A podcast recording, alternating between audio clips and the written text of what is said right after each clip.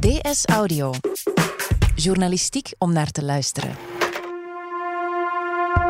Hij kent je naam, hij weet waar je woont en wat je hebt gedaan. Eén keer per jaar sluipt hij over de daken en stuurt zijn handlangers via de schoorsteen je huiskamer in. Daartegenover staat gelukkig snoep en vooral speelgoed dat je van tevoren zorgvuldig uit de brochure had geselecteerd. Zo gaat het stevast op 6 december. Maar de laatste jaren komt hij steeds weer in opspraak. Van Zwarte Pieten-debat tot pedagogisch twijfelachtig mysterie. Sinterklaas is voer voor discussie. Het is dinsdag 3 december. Ik ben Nele Eekhout en van op de redactie van De Standaard is dit DS Audio.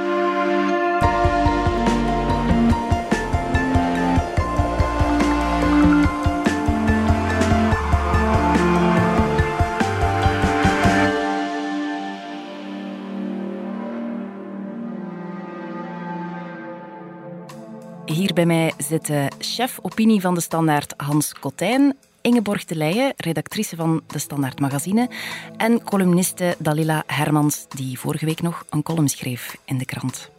De enige echte Sint kwam afgelopen weekend in Antwerpen aan.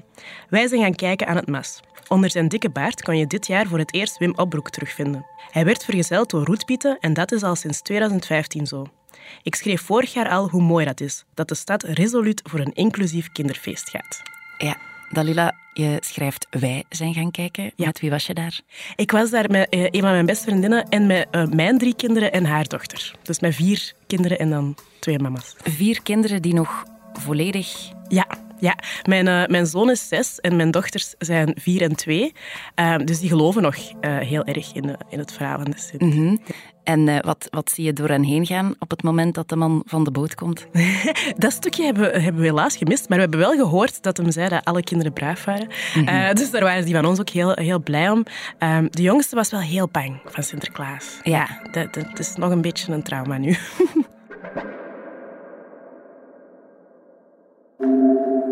column geef je eh, zes praktische puntjes om om te gaan met die nieuwe eh roetpieten, want het zijn geen zwarte pieten meer die daar eh, op de kade ronddansen.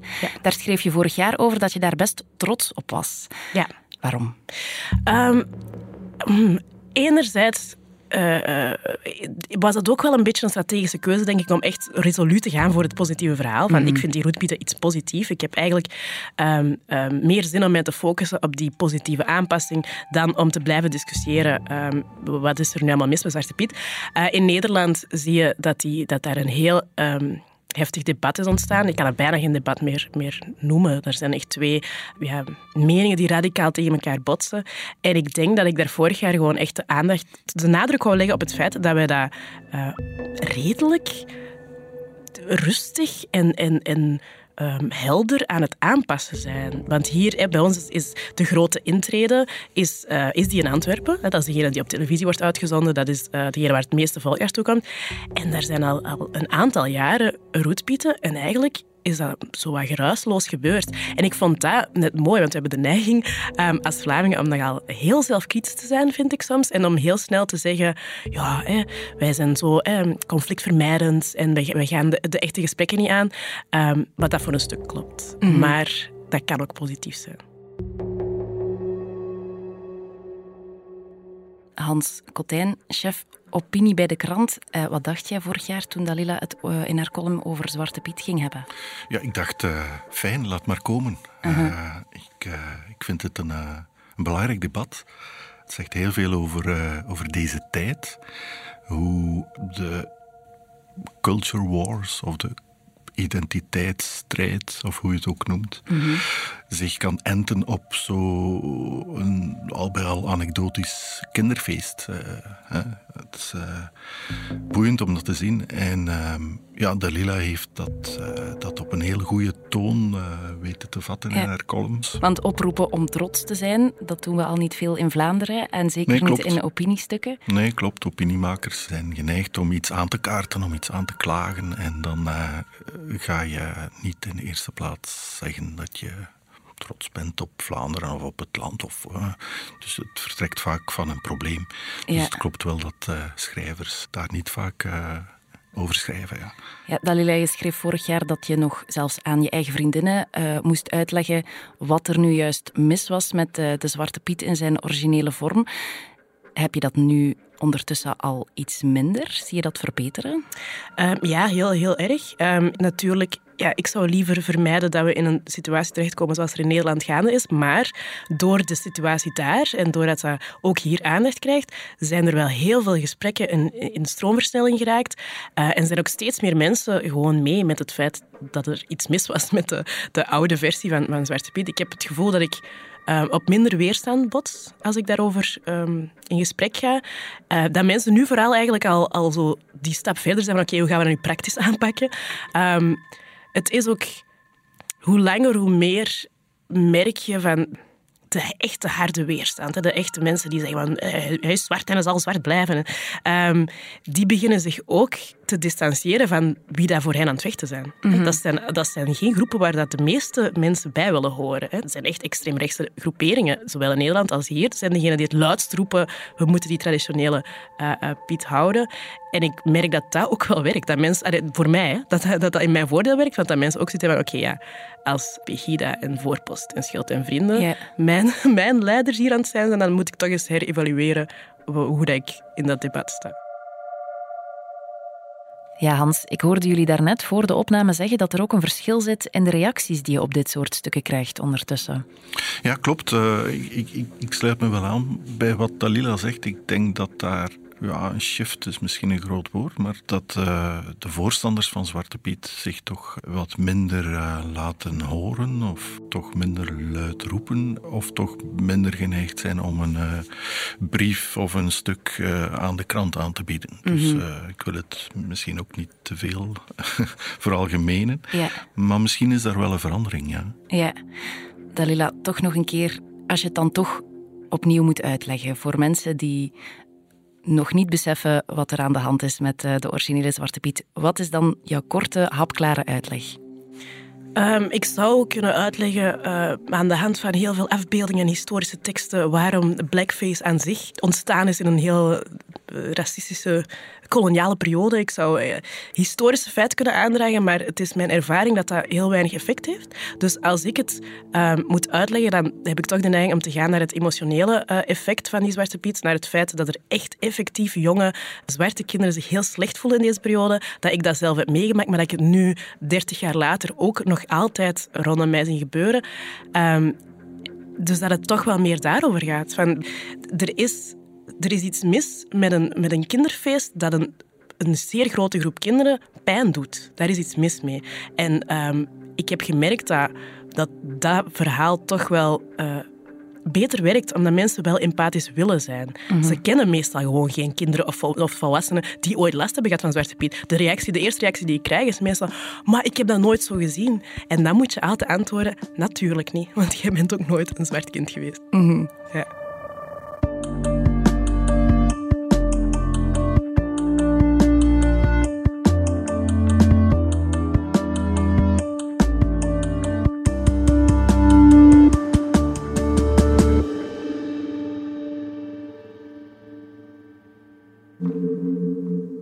De Pieten-discussie, um, het contrast met Nederland is enorm groot. Hè? Je zei het daarnet al, Hans. Hoe komt dat? Wel, um, als, als, je kijkt in Nederland, uh, ik ga ik even uh, iets aanhalen wat Peter van der Meers nog uh, geschreven heeft in een column bij ons. Peter van der Meers als Vlaming, jarenlang hoofdredacteur van NRC Handelsblad. En die zag in het Zwarte Pieten-debat, en dan quote ik nu, een bijna onkunde van de Nederlanders om compromissen te sluiten. Het geloof in het eigen grote gelijk en het ongelijk van anderen. Ik denk dat dat wel iets zegt. Um, en in Nederland zie je ook dat het debat helemaal gepolitiseerd is geraakt. Dus dat je daar politici en partijen hebt die erop willen kapitaliseren. En dat uh, helpt niet natuurlijk. Want je hebt ook in deze zaak ook wel uh, politiek leiderschap nodig. Iemand die op een bepaald moment zegt van ja, jongens, burgers, we moeten eens praten. Uh, laten we er nu eens over ophouden op deze manier. Zo kan het niet langer. Um, zoals uh, Paul Scheffer hoogleraar Europese studie, Nederlandse hoogleraar en columnist, uh, het vorige week nog schreef, terecht. Soms moet het midden een meerderheid trotseren. Mhm. En dat, dat klopt wel, denk ik. Ja. Hoe komt het dan dat we dat nu in Vlaanderen zo, zo goed hebben gedaan? Of is dat te euforisch gesteld? Je, je, ziet wel dat, dat er minder frictie over geweest is. Uh, mm Het debat was rustiger van toon. De voorstanders van Zwarte Piet hebben zich minder verpaal uh, laten horen. En ze stonden zeker niet op de barricaden. Uh, laat staan dat ze een, een autosnelweg hebben geblokkeerd. En het is altijd gevaarlijk om, om zo volksaarden te vergelijken. Maar misschien heeft het ook wel, wat Dalil ook al eerder zei, te maken met ja, de lossere omgang met het gezag van de tekst of de autoriteit van een tekst. Uh, Vlamingen zijn sowieso een beetje minder bijbelvast. Mm Dus misschien zijn we wat coulanter en zullen we sneller zeggen van ja, we gaan dat zo uh, onderling regelen kom hier, dan geef ik u een roetveeg en we spreken er niet meer over. En wat ook essentieel is, denk ik, in Vlaanderen, de voorbije generatie is opgegroeid met Hugo Matthijs en zijn kijk op de zaak, op de feiten. En dat, daar zit humor in, dat is wat absurdistisch. Uh, en daar konden we ons allemaal wel iets bij voorstellen. Ja, ik geloof wel, het is voorwerp van een groot sociologisch onderzoek, er moet een doctoraat dan over geschreven worden. Maar de rol van Hugo Matthijssen, heel, heel essentieel denk ja, ik. Ja. De manier waarop hij de angel een beetje uit dat debat heeft kunnen nemen, kunnen we daar een voorbeeld aan nemen voor nog andere uh, problemen? Misschien moeten we Hugo opbellen om uh, een paar andere. Uh, ik, ik, zie nog wel één ander aspect aan het verschil tussen Nederland en, mm -hmm. en Vlaanderen. Um, want ja, we hebben het heel vaak nu gaat over de pro-pieten. Uh, maar de mensen die denken zoals ik, de mensen die een aanpassing willen, daar is ook een verschil. Hè. In Nederland hebben zwarte mensen al veel langer een, uh, een plaats in de media. Zijn dus de gesprekken ook al veel langer gaande, waardoor er daar ook een generatie is opgegroeid met al vrij uh, helder ontwikkelde ideeën over wie ze zijn als zwarte mensen en over wat hun rechten zijn en over welke racistische karikaturen ze niet meer willen aanvaarden. Terwijl wij hier nog maar net, net, net um, deze gesprekken aan het hebben zijn. En ook zwarte mensen hier zich nog, nog maar net, net, net aan, het, aan het verenigen zijn. Um, dus ik denk dat een, een, een van de, de redenen dat het hier rustig is verlopen, is dat wij hier geen historie van 30 jaar strijd tegen die figuur hebben. -hmm. um, dus ik denk, als wij op hier in Vlaanderen nog eens 30 jaar zouden moeten wachten voor er een roetveeg te zien zou zijn, ja, dan zou het hier ook ontploffen. Dus ja. er zijn meerdere um, kanten aan, aan, aan het verhaal, denk ik.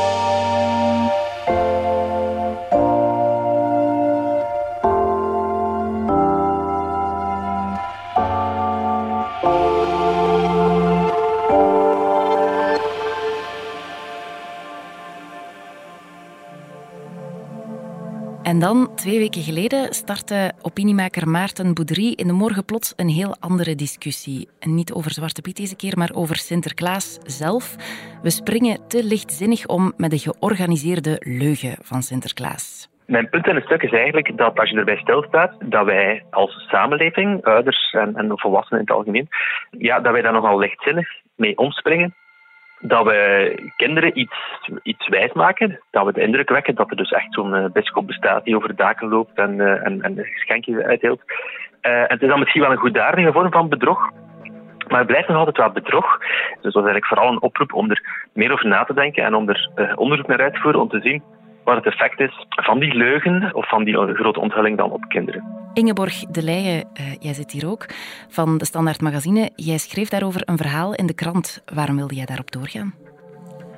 Um, wel, eigenlijk in de weken daarvoor was mij dat ook al opgevallen in een aantal Facebookgroepen van uh, moeders en opvoedingsthema's die ik volg, dat daar vrij veel discussie over was. Dat moeders echt oproepen deden van ja, ik wil echt niet meegaan in dat verhaal. Hebben jullie tips voor mij van hoe ik het kan aanpakken met de school en alternatieven? Dus ik was er al eigenlijk wel wat over aan het lezen. En toen kwam dat opiniestuk van Boudry. En in dezelfde week schreef Noemi Willemen in een column in, de, in onze krant um, dat ze ook twijfelde om die leugen te installeren. Uh, en ik heb zelf een dochtertje van 2,5 die nu voor het eerst uh, met Sinterklaasliedjes van de crash thuiskomt. En dus die voor het eerst haar schoentje gaat zetten deze week. Dus ja, automatisch is dat een onderwerp dat je dan wel interesseert. Ja, ik begon mij ineens af te vragen, ja, ben ik nu heel slecht bezig? Want mhm. ik ga wel mee in de verwondering en ik vond het eigenlijk heel plezant. Mhm. dus. En hoe heb jij die vraag proberen op te lossen? Ja, ik heb uh, een aantal mensen gebeld om uh, vooral het opiniestuk van Maarten Boudry even af te toetsen, omdat ik vond dat hij toch een, een, aantal sterke termen... Hij sprak van een intergenerationeel complot, een georganiseerde leugen. Ik vind dat toch vrij sterke taal. Oh, ja, um, nu, de, sommige van die felle bewoordingen zijn, waren wel ironisch, zoals de, het Sinterklaas, de blanke hetero cisgender man enzovoort. Um, ik schrijf ook wel over een intergenerationeel complot. Dat is inderdaad nogal zwaar aangezet. Ehm, maar dat doe ik inderdaad wel doelbewust, omdat je dus letterlijk gezien kan spreken van een complot. Het is een complot waarbij dat mensen dus iets achter de schermen bekokstoven om, om, om anderen uh, voor de gek te houden. En hij zei ja, dat hij persoonlijk volwassenen kende die er trauma's aan hadden overgehouden. En er zijn kinderen, dat weet ik van getuigenissen van andere mensen, die daar toch uh, een klein trauma aan oplopen aan dat uh, onvermijdelijk uh, moment van die grote onthulling. Dus ik heb die vraag toch eens aan een ontwikkelingspsycholoog voorgelegd. Ik ben Bart Simmons en ik ben ontwikkelingspsycholoog aan de Universiteit Gent. Ik denk dat Sinterklaas, net zoals veel andere mythische figuren, tegen de fantasie en de verbeelding van kinderen kan prikkelen. En ik geloof in spontane capaciteiten ondergaande weg achter te komen op zelfstandige basis dat er iets niet klopt aan het verhaal. En denken wordt spontaan logischer, waardoor dat ze uit zichzelf beetje bij beetje die mythe zullen doortrekken. Dit is een uh, probleem van een heel andere aard. Dalila, heb jij daar ooit mee gezeten van ik ben aan het liegen tegen mijn kinderen hier? Nee. ik ga er gewoon eerlijk in zijn. Nee, echt niet. Um, ik... Ik denk dat ik trouwens wel vaker eens een keer lieg tegen mijn kinderen. Mm -hmm. Dat is ook gewoon... Ja, zij zijn zes, vier en twee. Mm -hmm. En um, goh, ik, ik, ik heb buiten de, de um, ja, negatieve gevolgen van die Zwarte Piet, heb ik ook wel heel veel mooie herinneringen aan dat feest. En aan die verwondering en die magie. En ik wil dat mijn kinderen niet, niet ontzeggen. Ik vind dat dat heel belangrijk is. En ik vind zelfs het proces van het ontdekken dat het niet echt is, ook belangrijk. Ik zie dat nu bij mijn zoon in de zes, dat is een hele clever gastje. En die begint zo allemaal vragen te stellen. En hij is dat nog voor zichzelf zo aan het oplossen dan. Maar ik zie nou wel in zijn ogen van, dit gaat het laatste jaar zijn dat we hem dat kunnen wijsmaken. Maar dat is ook zo'n soort van rite of passage. En ik, uh, nee, ik heb er echt ik ben daar echt niet mee bezig. Ja, want zijn deze twee discussies überhaupt met elkaar te vergelijken? Ja, ik geloof dat er wel een, een, een brede vergelijking mogelijk is. Zwarte Piet en de vrouw van Sinterklaas. Het zijn verhalen, dat zijn ficties. En ik denk dat het precies dat is wat ons mens maakt, namelijk dat we elkaar verhalen vertellen. En het is door elkaar verhalen te vertellen, en die mogen waar zijn of niet, of fond is dat niet zo belangrijk, maar omdat we dat doen, stellen we ons open tegenover de ander, leggen we die brug naar de ander en maken we de sprong naar die ander. En die sprong, dat is, ja, dat is uh, angstaanjagend. Uh, want hoe, uh, je moet wel echt het vertrouwen stellen in iemand. Mm Dat betekent niet dat die verhalen niet kwetsend kunnen zijn. En dan zie je bij het verhaal over Zwarte Piet en Sinterklaas dat je daar, ja, daar zit sleet op. De wereld verandert, de maatschappij verandert. En het verhaal zou niet veranderen. Nee, we moeten elkaar dus nieuwe verhalen vertellen, naar nieuwe verhalen zoeken. En die roetveeg, dat is een nieuw verhaal, dat past daar netjes in, denk ik. Dus daar zie je wel een parallel.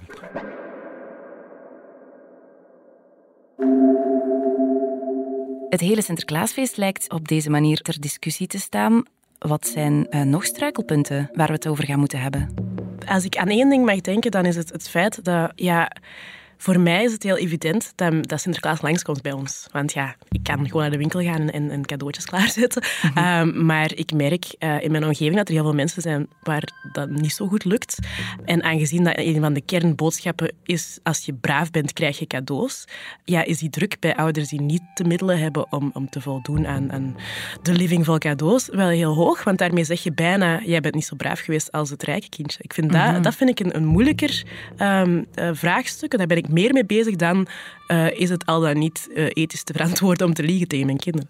Ingeborg, je hebt daar ook over gesproken met Nina Mouton, psychologe en psychotherapeute.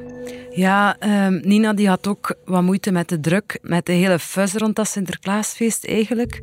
En dan heel specifiek om even in te pikken op wat Dalila zei over dat braaf en stoot, daar had Nina ook een groot probleem mee, vooral met die uitdrukking elk jaar van er zijn geen stoute kinderen. Er zijn gewoon geen stoute kinderen. Dan zei ze, ja, mijn haar komt daarvan recht. Tuurlijk zijn er geen stoute kinderen. Stoute kinderen, in mijn ogen bestaat dat niet. Er zijn kinderen die last hebben met zichzelf, met hun emoties, met hun behoeften. Dus Nina werkt vanuit het idee van een mild ouderschap waarin zij eigenlijk zegt, ja, stoute kinderen bestaan niet. Er bestaan alleen kinderen die het wat moeilijk hebben of eh, die, die het even lastig hebben en wie we moeten helpen. Een kind kan niet zeggen, goh mama, ik had een heel moeilijke dag vandaag. Ik heb het eventjes nodig om um, samen met u in de zetel te zitten en even te vertellen over mijn dag. Nee, een kind gaat dat uiten door gedrag te stellen en dan door te dreigen van de Sint ziet het als je niet flink bent, nemen we een communicatiemiddel af. En dat vind ik niet oké. Dus daarin begrijp ik Dalila ook wel, wat ze zegt, ja, die braaf en stoot en al die begrippen en wat we daaraan vasthangen, een soort beloning, dat dat mhm. misschien ook wel iets is waar we over kunnen discussiëren. En het inzetten van Sinterklaas als dreigmiddel, mogen we dat nog doen? Ik kan me voorstellen, ik heb zelf geen kinderen, maar ik kan me voorstellen dat het soms van pas komt ik moet eerlijk toegeven dat ik dat zo wel af en toe doe. Maar eerder positief. Hè? Van, ja, maar als je nu heel flink bent, hè, dan gaat de Sint dat ook zien. Dat zeg ik wel. En het mhm. werkt wel. Ja. ja, ik probeer het nu, en zeker na mijn gesprek met Nina, probeer ik er echt op te letten, want ik vind dat ze daar 100% gelijk in heeft. Dat zei Bart Soenes trouwens ook, van ja, dat is echt het, een aspect aan Sinterklaas. Dat is geen middel om het gedrag van je kind te sturen. Hè. Dat kan niet een middel zijn, iets heel voorwaardelijk, van als, dan. Dat moet net heel onvoorwaardelijk en voor elk kind zijn. En ik denk, hoe meer dat je dat ziet, hoe meer dat je kind zich nadien ook kan bekocht voelen door het verhaal van Sinterklaas. Want dan heb je als kind misschien jaren, ben je flink geweest, heb je in het gareel gelopen omwille van een soort dreigende externe figuur die dan een illusie bleek te zijn. En dan denk je dat je toch wel vragen kunt stellen bij wat dat je ouders hebben gedaan. Of dan krijgt die leugen toch een soort donker randje, denk ik, die ook het vertrouwen van kinderen kan, kan schenden. En natuurlijk heb ik ook al wel eens mezelf horen zeggen van... Uh, ja, als je zo voortdoet, dan gaat de cent hier niet passeren. Maar ik probeer het nu echt er echt op te letten, want ik vind dat wel echt iets heel belangrijks. Mhm. Een wijs man heeft ooit gezegd: opvoeden is roekeloze improvisatie. En uh, terwijl je aan het roekeloos aan het improviseren bent, kan je dan wel eens dreigen met. Ja, ja. Als, als, we het onder die noemer kunnen. Ja. ja. Maar we moeten Moet er wel mee oppassen. zijn voor jezelf. Dat is waar, maar dat is waar. Hans, Dalila, Ingeborg, dank jullie wel. Graag gedaan. Graag, graag gedaan. Dit was DS Audio. Wil je reageren? Dat kan via dsaudio.standaard.be. In deze aflevering hoorde je Dalila Hermans, Hans Kotijn, Ingeborg de Leijen, Maarten Boudry, Bart Soenes, Nina Mouton en mezelf, Nele Eekhout. Ik deed ook de redactie samen met Fien Dille en Wouter van Driessen. De eindredactie gebeurde door Anna Korterink. Pieter Schrevens deed de audioproductie. Brecht Plasgaard schreef de muziek die je hoorde in deze podcast. Chef audio is Wouter van Driessen. Vond je deze podcast interessant? Weet dan dat je er elke werkdag één kunt beluisteren. Dat kan via de DS Nieuws app of via standaard.be-audio. Je kunt je ook abonneren via iTunes, Spotify of de podcast-app van je keuze. En als je daar dan toch bent, schrijf gerust een review. Zo toon je ook anderen de weg. Morgen zijn we er opnieuw.